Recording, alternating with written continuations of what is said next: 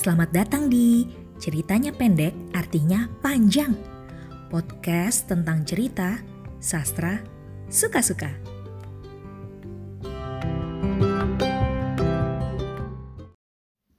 Hai teman-teman, apa kabar?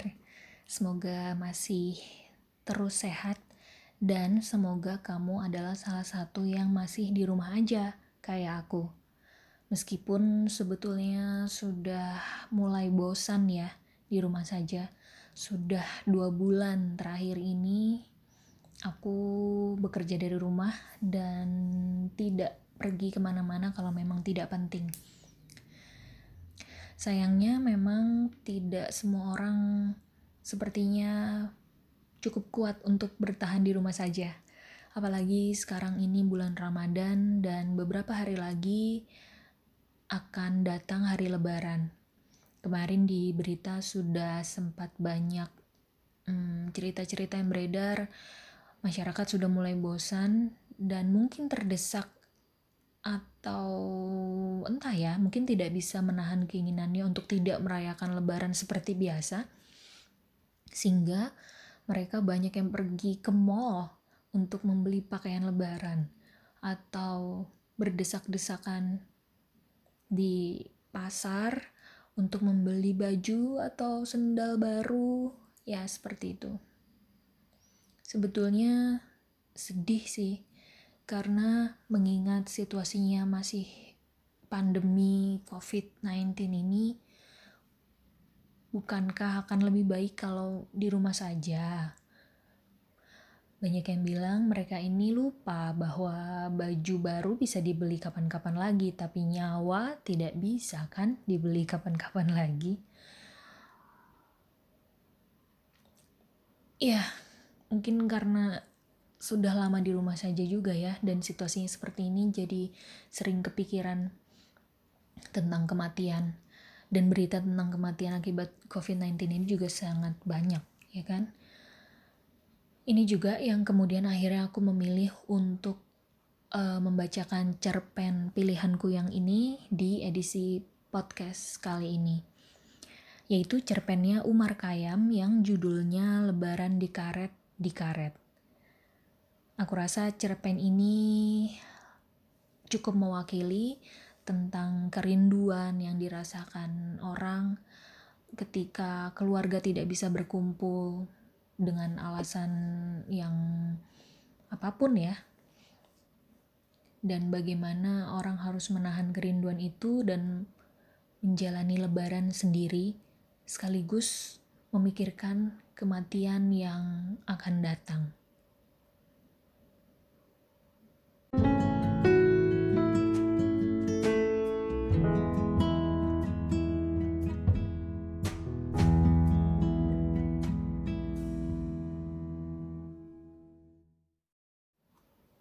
Sebelumnya saya akan membacakan uh, biodata Umar Kayam yang ada di halaman belakang uh, buku Lebaran di Karet di Karet dari penerbit Kompas ini. Di sini disebutkan lelaki kelahiran Ngawi, Jawa Timur 30 April 1932 ini pertama kali menulis cerpen sejak duduk di bangku SMA. Akan tetapi, Umar Kayam baru mulai menulis secara agak teratur ketika mendapat tugas belajar di Universitas New York dan Universitas Cornell, Amerika Serikat tahun 1961 sampai 1965 yang sebagian besar karyanya itu terangkum dalam kumpulan cerpen Seribu Kunang-Kunang di Manhattan. Dua noveletnya yang cukup fenomenal dibukukan dalam satu buku, Sri Sumarah dan Bawo, sedangkan novelnya yang sudah beredar adalah Para Priayi dan Jalan Menikung. Bukunya The Soul of Indonesia, A Cultural Journey yang diterbitkan Louisiana University Press telah diterjemahkan ke bahasa Indonesia dengan judul Semangat Indonesia, Sebuah Perjalanan Budaya. Buku ini juga sudah diterjemahkan ke bahasa Jepang.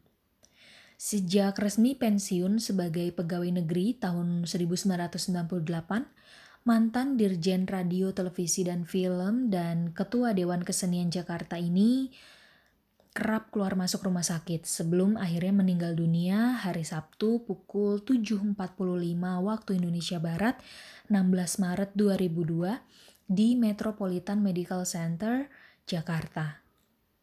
Cerpen Lebaran di Karet di Karet yang kemudian diangkat sebagai judul kumpulan cerpen ini adalah karya terakhir almarhum.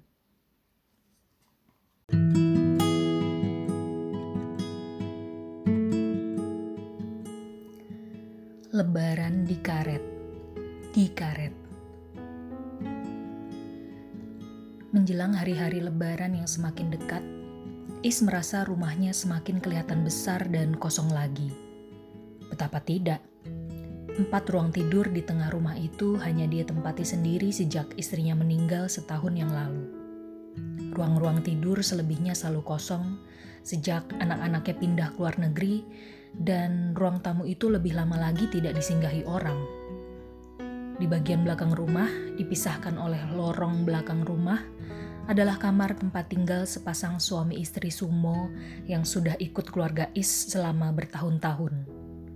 Mereka akan muncul ke dalam rumah kalau Is memanggil mereka untuk keperluan ini dan itu. Selebihnya, tidak ada komunikasi antara mereka.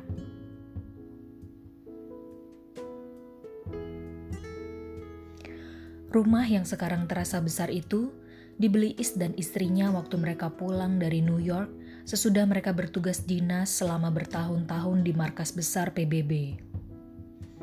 Dengan tabungan uang yang mereka kumpulkan, mereka membeli dua buah impala dan berbagai perabotan rumah mewah yang lengkap. Dengan hasil penjualan mobil impala dan perabotan itulah, sepulang di Jakarta, mereka berhasil membuat rumah besar yang mereka huni sekarang ini. Rumah itu besar dan mewah, yang oleh teman-temannya pegawai negeri diejek sebagai rumah menteri besar. Is dan istrinya hanya tersenyum mendengar ejekan itu.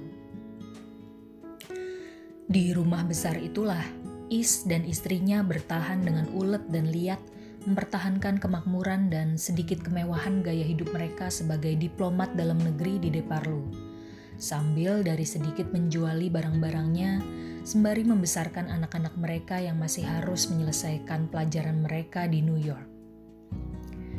Dan waktu dalam beberapa tahun terakhir, mereka menyelesaikan studi mereka dan menyebar mencari nafkah di Geneva, Amsterdam, dan New York – Is dan istrinya menyadari pula bahwa anak-anak mereka sudah waktunya membangun sarang-sarang di luar pohon besar mereka.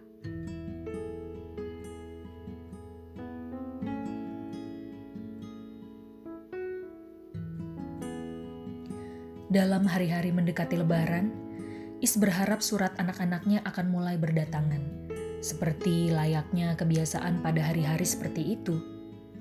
Dan memang betul saja, Surat mereka memang pada berdatangan.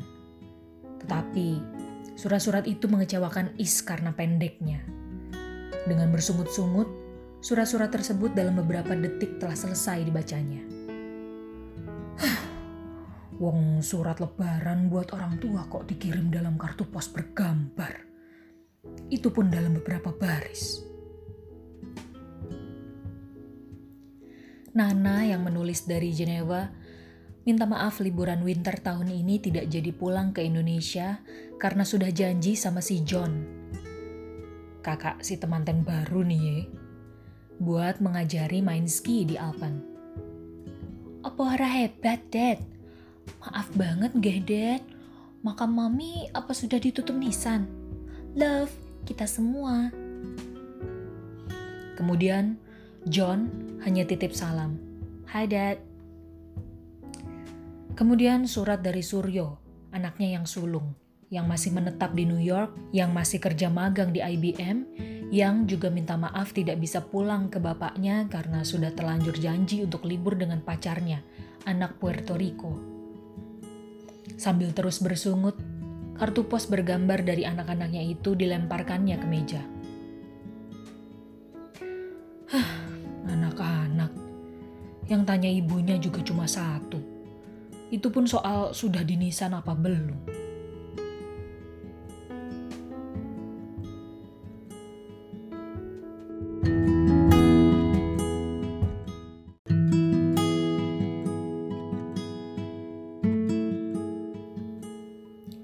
Sakit yang pada akhirnya merenggut nyawa istrinya, buat kanker yang tumbuh di sebelah payudaranya, sesungguhnya tidak terduga kecepatan pertumbuhannya. Bahkan mulai dengan bisul yang kecil dahulu. Is juga tidak menganggap terlalu serius. Waktu bisul kecil yang kemudian mulai sedikit membesar, istrinya, Rani, secara iseng menanyakan itu kepada dokternya, temannya. Sesudah diperiksa agak teliti, Teman dokternya mengatakan bahwa bisul itu mengandung gejala tumor. Rani dianjurkan agar lebih teliti dan intensif memeriksakan bisulnya itu ke rumah sakit temannya itu. Is ingat, istrinya itu masih dengan tersenyum ceria melapor kepada suaminya. Hei, coba bayangkan Is, sesudah kesekian tahun di New York, Baru sekarang di negeri kita yang primitif ini, aku mungkin ketahuan kena kanker. Is ingat peristiwa itu, dan Is tidak dapat tersenyum. Dia takut. Dia khawatir akan kehilangan Rani.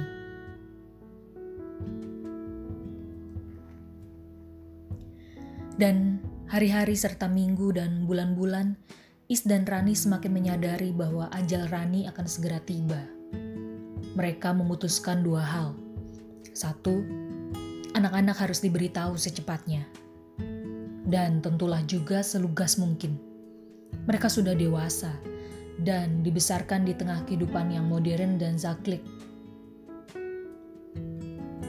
Kedua, bahwa anak-anaknya harus sadar bahwa pada suatu waktu kita akan meninggalkan dunia yang fana. Dan semua yang pernah kita cintai dan sayangi, karena itulah hukum alam yang tidak dapat kita elakkan. Ketiga, karena anak-anak masih berada di luar negeri, untuk menjauhi kesulitan, baik yang emosional atau yang bukan, anak-anak tidak diharuskan hadir pada hari pemakamannya.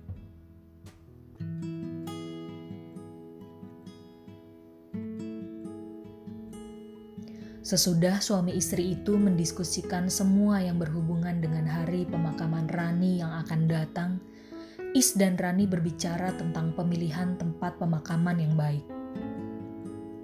Makam, meskipun hanya tempat jasad kita, mestilah kita usahakan yang baik, tidak rusak dan kotor. Lagi pula, orang yang mau menziarahi makam tersebut tidak akan kesulitan menemuinya. Maka sesudah mereka berunding, mereka memilih pekuburan karet. Rani terutama yang mantap menjatuhkan pilihannya itu. Karet adalah pemakaman khas Jakarta. Semua orang-orang terkenal Jakarta dimakamkan di situ, katanya. Usmar Ismail, Jaya Kusuma, dan Hairil Anwar, si binatang jalang itu, Is. Masih ingat kau, Is? salah satu sajaknya di karet, di karet tempat kita yang akan datang.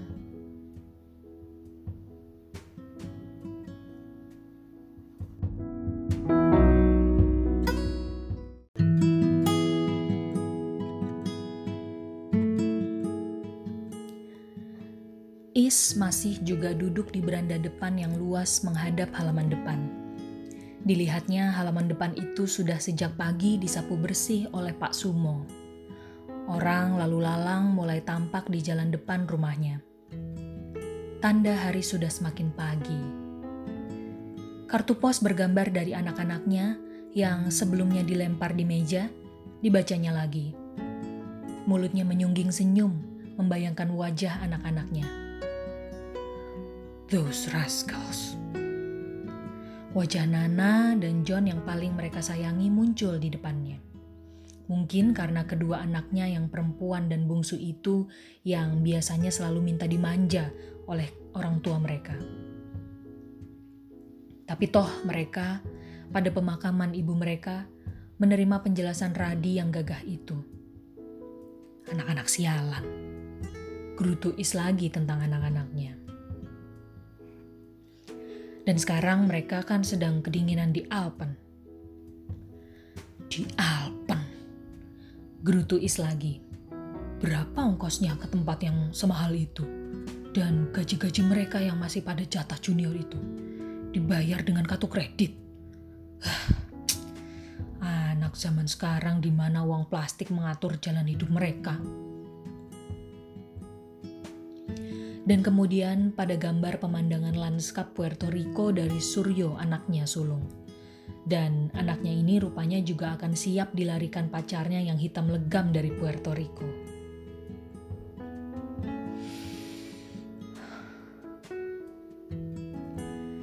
Is menarik napasnya panjang-panjang. Rasanya baru kemarin anak-anak itu menjadi milik mereka bersama Rani di mana mereka masih begitu membutuhkan pertolongan penyelesaian studi dan pencarian kerja dan nafkah mereka. Sekarang mereka sudah menjadi pemilik pohon mandiri mereka. Ia menggerendeng bercampur sungut. Kalau begini nada-nadanya, apa aku masih akan ketemu dengan keluarga dan anak-anak mereka? Satu kali waktu nanti.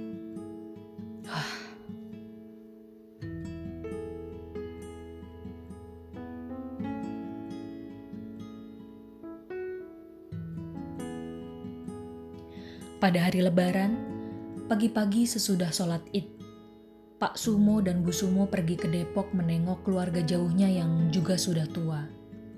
Sebelum mereka pergi, meja makan di ruang makan sudah ditutup rapi, lengkap dengan berbagai piring, pinggan, penuh berbagai macam hidangan lauk pauk khas lebaran. Ada ketupat, rendang daging dan paru yang merah kecoklatan tapi membayang merah kepedasannya, sambal goreng hati dan jantung ayam di antara lautan santan kental dan taburan petai dan cabai, opor ayam yang berwarna kekuningan yang bergelimang santan pula. Is sambil menyedot bau harum masakan pembantunya, tidak urung mengumpat orang tua yang baik hati itu. Makanan sebanyak itu siapa yang akan menghabiskannya nanti. Sesudah mandi dan berganti pakaian bersih, dilahapnya sarapan pagi hidangan pembantunya yang baik hati itu. Kemudian, Is berjalan bergegas ke garasi. Hari sudah mulai siangan sedikit. Jalan sudah mulai ramai dilewati kendaraan bermotor. Is mulai menyadari bahwa orang mulai bergerak dalam arus lebaran. Pelan-pelan, Is membuka garasinya. Kemudian dengan pelan pula mendorong mobil dinas Toyota tua dari kantornya dengan terengah-engah. Sambil terengah-engah karena kehabisan napas, dia masih mencoba tersenyum menyadari ketuaannya dan keteringatannya pula pada waktu dia dan Rani masih menaiki impala pribadi mereka. Waktu akhirnya dia duduk di belakang setir, siap untuk menghidupkan starter, tiba-tiba dia harus berpikir keras. Mau ke mana? Ke makam jeruk purut atau ke karet? Dia berhenti berpikir. Tiba-tiba Is terkenang akan diskusi di kamar tidur mereka. Rani ingin dimakamkan di karet pemakaman yang paling terkenal di Jakarta itu. Juga semua orang dimakamkan di Jakarta. Iya kan? Di Jakarta. Ya, di Jakarta. Dengan tegas Is menghidupkan starternya.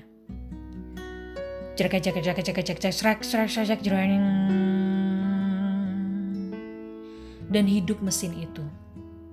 Dengan ketegasan sopir pribadi New York, mobil dinas Toyota Deparlu itu mengebut keluar jalan raya. Dengan tegas berhenti sebentar, kemudian membanting setirnya ke arah jurusan kiri. Ke karet. Ke karet. Tidak ke jeruk purut, ke tempat Rani. Melainkan ke karet. Ke karet. Rani pasti setuju dan senang.